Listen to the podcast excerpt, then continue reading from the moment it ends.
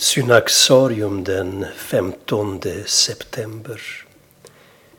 Josef av Alaverdi.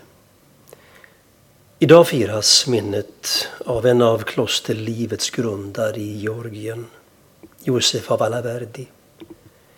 På 500-talet inleddes en blomstrande väckelse i dessa områden när en grupp på 13 syriska munkfäder anlände till Georgien för att bygga upp kloster och sprida evangeliet. En av dessa var Josef, Amba Joseb kallad, som slog sig ned på den obefolkade alaverdiska savannen i provinsen Kakheti i östra Georgien där han började leva i bön. Det berättas att hans andliga utstrålning till och med fick djuren att häpna. De vilda bestarna angrep honom aldrig och hjortarna kom och försåg honom med mjölk. Vid ett tillfälle stötte en känd jägare i trakten på Josef. När han såg den bönens ande som var över honom blev han så förundrad att han bestämde sig för att ansluta sig och bli Josefs lärjunge.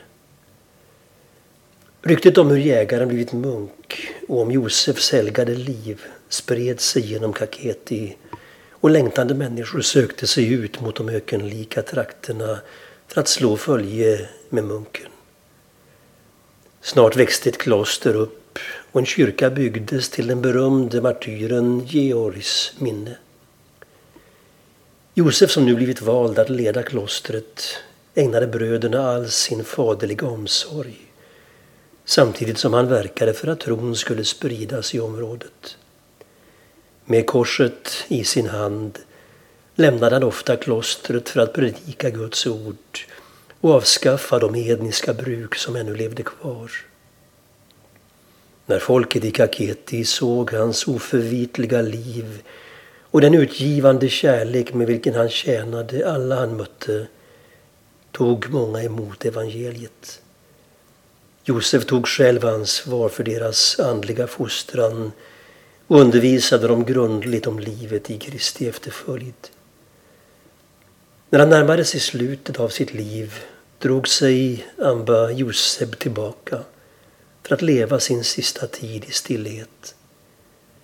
Omkring år 570 insomnade han i frid och begravdes i den kyrka han varit med om att bygga upp.